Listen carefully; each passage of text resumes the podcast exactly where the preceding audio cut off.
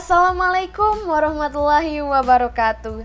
Halo semuanya, selamat pagi, selamat siang, selamat sore maupun selamat malam bagi teman-teman yang sedang mendengarkan podcast saya. Nah, sebelumnya perkenalkan terlebih dahulu saya Anissa Jauzia. Saya merupakan mahasiswi semester 3 jurusan Ilmu Komunikasi Fakultas Ilmu Sosial dan Ilmu Politik Universitas Sriwijaya. Nah, pada kesempatan kali ini saya akan membahas nih mengenai materi mata kuliah Teknologi Komunikasi, lebih tepatnya mengenai dampak-dampak teknologi komunikasi. Nah, jadi buat teman-teman semuanya harap terus didengarkan ya.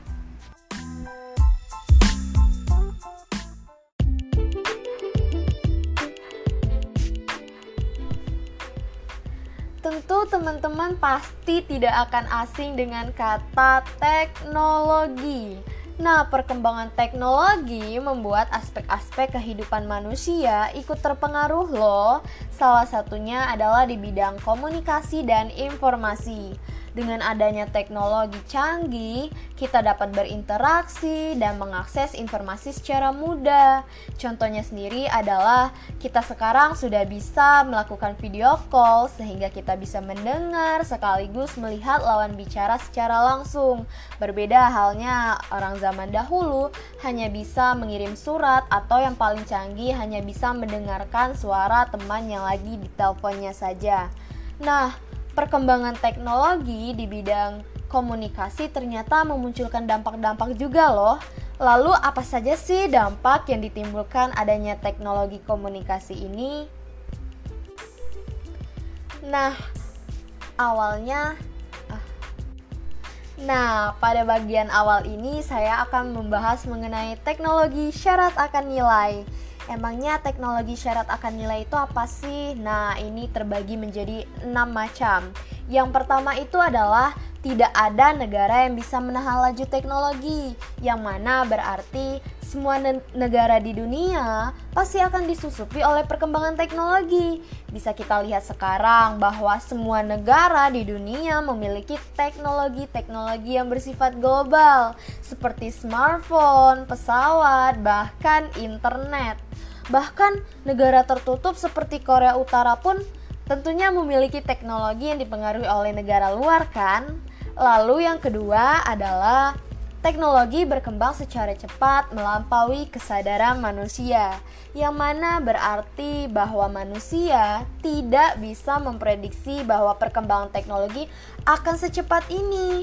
Contohnya adalah orang zaman dahulu tidak mengetahui bahwa sekarang kita bisa berkomunikasi melalui suatu jaringan yang disebut dengan internet. Mereka juga tidak mengetahui bahwa manusia sekarang bisa melakukan interaksi dan berkomunikasi dengan melihat wajah manusia atau lawan bicara secara langsung. Nah, yang ketiga adalah aktif atau pasif dalam menerima teknologi. Kelompok aktif sendiri dapat diartikan sebagai kelompok yang terbuka dan menerima kehadiran teknologi. Contohnya adalah kita-kita ini loh yang masyarakat-masyarakatnya uh, berada di perkotaan yang memang sangat welcome terhadap smartphone bahkan kita sering sekali kan berlomba-lomba untuk membeli dan memiliki smartphone dengan kecanggihan yang paling canggih. Nah, Sedangkan kelompok pasif merupakan kelompok yang cenderung menolak teknologi dikarenakan menurut mereka uh, teknologi itu akan berdampak buruk. Nah, salah satu contoh dari masyarakat yang menolak teknologi ini adalah dari suku Baduy. Kalian tentu tahu kan suku Baduy itu di mana? Nah, suku Baduy ini merupakan suatu suku pedalaman yang berada di di provinsi Banten. Nah, di suku Baduy ini, masyarakatnya cenderung menolak teknologi dikarenakan menurut mereka adanya teknologi akan mengganggu kelestarian alam yang selama ini sangat mereka jaga. Atau juga kita bisa melihat suku Amis nih di Amerika Serikat yang menolak teknologi karena mereka takut kebudayaannya akan rusak. Nah, yang keempat itu adalah manusia tidak bisa menyalahkan teknologi, yang mana sebenarnya faktor yang mempengaruhi bagaimana keterhubungan antara teknologi sendiri merupakan tergantung dari manusia itu sendiri. Nah, contohnya itu adalah kita bisa melihat bahwa manusia sekarang sangat tergantung kepada internet. Nah, kita tahu kan kalau semisalnya sinyal hilang kita pasti akan panik nih. Orang-orang akan panik dan merasa terganggu. Nah karena itu internet sendiri merupakan suatu kebutuhan manusia yang dianggap sangat penting pada zaman sekarang. Sehingga manusia tidak bisa menyalakan internet apabila manusia tersebut mendapatkan efek buruk dari internet itu sendiri.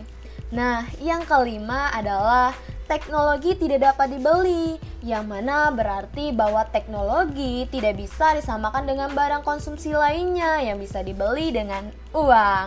Nah, maksudnya adalah kemajuan teknologi itu tidak bisa dibeli oleh pihak-pihak tertentu karena memang teknologi itu diciptakan memang untuk kebermanfaatan semuanya. Namun sering sekali kan kita membeli, uh, sering mendengar membeli teknologi. Nah, sebenarnya bukan teknologi yang kita beli, melainkan produk dari teknologi itu seperti smartphone ataupun kuota.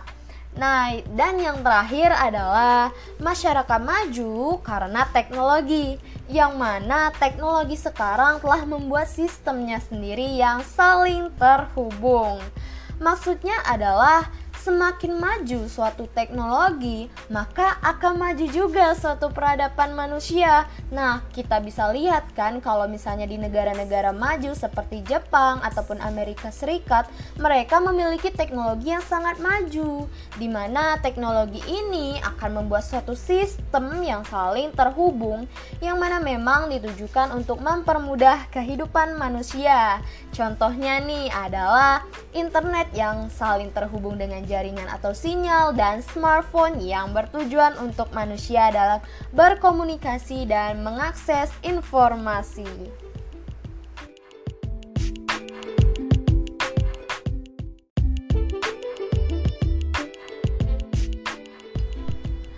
Selanjutnya, saya akan membahas mengenai tipologi dari dampak komunikasi. Emang apa aja sih tipologi dari dampak teknologi komunikasi itu? Nah, yang pertama adalah desirable impact, yang berarti dampak lebih cenderung kepada berfungsinya inovasi oleh individu atau sistem sosial. Contohnya nih, misalnya dengan penemuan smartphone atau gadget yang mana itu itu merupakan inovasi dari manusia sendiri yang dapat membantu manusia dalam melakukan pekerjaannya dengan cepat maka manusia dapat berkomunikasi dengan cepat meskipun dalam jarak yang sangat jauh. Yang kedua adalah undesirable impact yang merupakan kebalikan dari desirable impact nih yaitu dampak yang eh, dampak yang cenderung tidak berfungsinya inovasi oleh individu atau sistem sosial. Contohnya seperti contoh awal tadi di mana um, penemuan smartphone sendiri tidak hanya memberikan dampak positif loh, namun juga memberikan dampak negatif di mana manusia telah menggunakan smartphone terkadang lebih memilih berkomunikasi menggunakan smartphone daripada bertemu langsung dengan teman-temannya sehingga hal ini uh, akan mengurangi esensi manusia sendiri sebagai makhluk sosial yang membutuhkan orang lain. Nah, dalam artian uh, mem memicu timbulnya sikap individualis manusia. Yang ketiga adalah direct impact yang berarti dampak langsung. Contohnya adalah misalnya nih, dengan adanya GPS, maka orang-orang bisa mengetahui letak atau keberadaan dari seseorang yang GPS-nya aktif. Penggunaan GPS sendiri sering sekali digunakan oleh orang-orang tertentu untuk mengetahui letak ataupun uh, di mana keberadaan suatu benda ataupun orang yang sedang mengaktifkan GPS-nya. Atau juga GPS sendiri sering digunakan oleh pihak kepolisian untuk mengetahui letak dari misalnya pencurian smartphone atau penculikan seseorang yang membawa smartphone tersebut. Yang keempat adalah indirect impact yang berarti dampak tidak langsung. Contohnya, platform Instagram yang merupakan sosial media yang sering sekali kalian gunakan kan itu tuh bertujuan untuk membagikan foto ataupun video seseorang kepada followers atau pengikutnya di Instagram. Namun ternyata Instagram dapat memberikan efek tidak langsung loh. Contohnya adalah orang-orang bisa berjualan melalui Instagram dengan cara mempromosikan jualan mereka atau produk mereka kepada followersnya sehingga secara tidak langsung maka orang tersebut dapat mendapatkan keuntungan berupa royalti atau uang. Contoh lainnya apa ya? Nah, dengan banyaknya selegram atau influencer yang kerap kali melakukan endorsement atau sebagai endorser yang dibayar oleh suatu perusahaan atau seseorang seorang pedagang untuk mempromosikan barang mereka sehingga Instagram jadi ladang uang untuk orang-orang yang dapat memanfaatkannya dengan baik. Yang kelima adalah anticipate impact yang berarti perubahan yang terjadi sebenarnya telah diantisipasi sebab inovasi telah diketahui sebelumnya oleh anggota sistem sosial. Nah, contohnya sendiri adalah inovasi ojek online seperti Gojek ataupun Grab yang sebenarnya memang sudah diantisipasi akan seperti apa dampak yang akan terjadi seperti akan untuk mempermudah orang-orang dalam melakukan perjalanan atau memesan suatu makanan melalui GoFood ataupun GrabFood yang sering kalian lakukan itu sehingga dari pihak ojek online sendiri memang telah mengetahui apa saja yang akan terjadi setelah ojek online ini dipasarkan kepada masyarakat. Dan yang terakhir yaitu unanticipated impact, yaitu perubahan yang belum sempat diantisipasi karena memang inovasi tidak diketahui sebelumnya oleh anggota sistem sosial. Lalu contohnya apa sih? Nah, contohnya adalah inovasi Gojek uh, ojek online merupakan uh, akan memberikan dampak positif dan sudah diantisipasi oleh perusahaan pembuatnya. Namun juga memberikan dampak-dampak yang tidak dikira loh seperti akan terjadinya banyak protes dari ojek konvensional yang merasa dirugikan karena pelanggan mereka akhirnya berkurang yang menyebabkan kurangnya pemasukan mereka.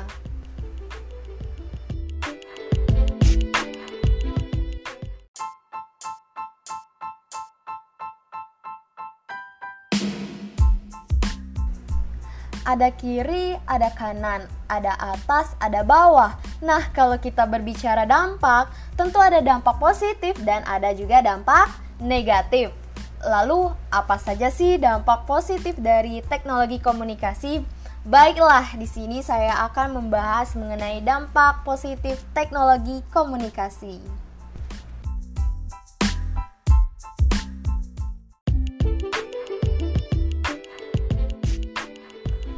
Nah, sekarang saya akan membahas mengenai dampak positif dari teknologi komunikasi. Nah, yang pertama itu ada di bidang sosial, yaitu teknologi bisa mengatasi ruang dan waktu loh yang mana dibuktikan ketika orang dulu ingin berkomunikasi ataupun ingin ber, e, melakukan interaksi kepada orang lain, mereka tuh harus melakukannya secara langsung atau melakukan pertemuan pertemuan langsung, berkomunikasi secara tatap muka.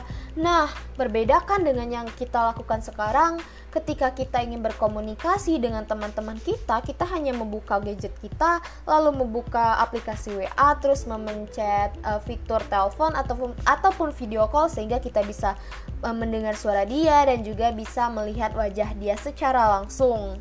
Yang kedua ada di bidang budaya yang mana akan menyebabkan budaya yang seragam, yang mana akan memunculkan global village di mana masyarakat yang memiliki kebudayaan yang berbeda akan bisa terkoneksi atau terhubung satu dengan yang lainnya dengan menggunakan teknologi komunikasi.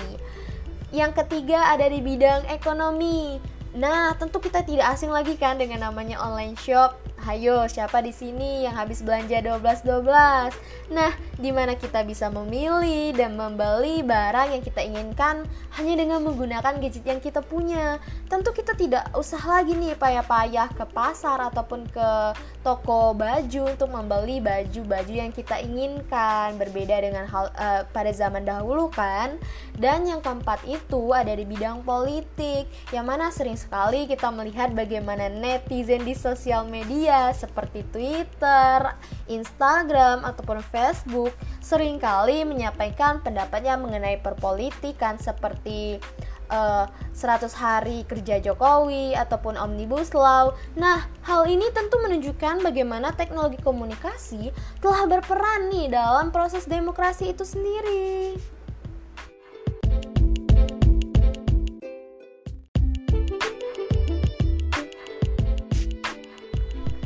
Oke, memasuki materi yang terakhir mengenai dampak negatif dari teknologi komunikasi. Apa aja sih? Nah, yang pertama itu ada di bidang sosial. Dengan adanya kemajuan teknologi komunikasi, maka akan menyebabkan manusia candu terhadap teknologi. Yang mana hal ini akan menyebabkan manusia kurang dalam berinteraksi dengan sesamanya. Contohnya, uh, kita dahulu eh, orang-orang zaman dahulu antar satu rumah dengan rumah lainnya akan menjalin hubungannya sangat erat. Mereka sering berinteraksi dan saling tolong menolong. Nah, berbeda di zaman sekarang di mana masyarakat di perumahan-perumahan elit di perkotaan yang besar jarang sekali melakukan interaksi bahkan mereka sama sekali tidak mengenal. Nah, yang kedua itu ada di bidang budaya tentu akan menggeser kebudayaan asli dari suatu negara. Nah, contohnya tanya aja nih. Nah, siapa di sini K-popers? Nah, nyatanya adalah di mana komunik teknologi komunikasi berperan dalam menyebarkan budaya K-pop yang sering kita lihat atau sering kita dengar melalui Spotify ataupun kita menonton drama Korea yang sudah menjamur di kalangan anak muda ini akan menggeser kebudayaan yang kita miliki. E, bisa kita lihat sendiri bahwa anak-anak muda zaman sekarang lebih menyukai budaya asing dibanding dengan budaya kita sendiri. Nah, yang terakhir itu ada di bidang ekonomi, di mana industrialisasi yang mana aspek produksi yang mengandalkan mesin akan menjadi pilihan utama, sementara manusia hanya sebagai operator atau penjual penjalannya saja, sehingga tentu akan menimbulkan banyaknya pengangguran.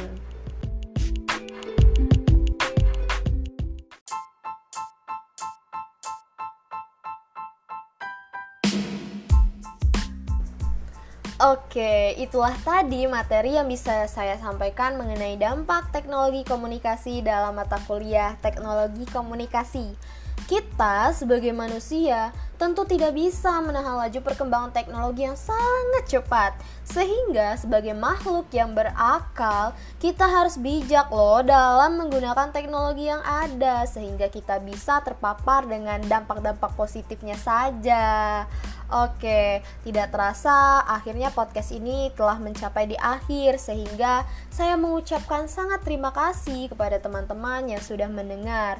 Semoga kita semua selalu dalam keadaan sehat bahagia. Sampai berjumpa di podcast saya selanjutnya. Wassalamualaikum warahmatullahi wabarakatuh.